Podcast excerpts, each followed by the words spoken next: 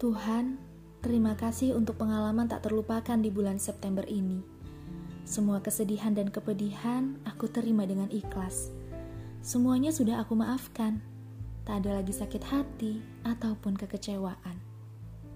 Semuanya benar-benar aku terima dengan lapang dada. Karena aku percaya semua yang terjadi atas persetujuanmu.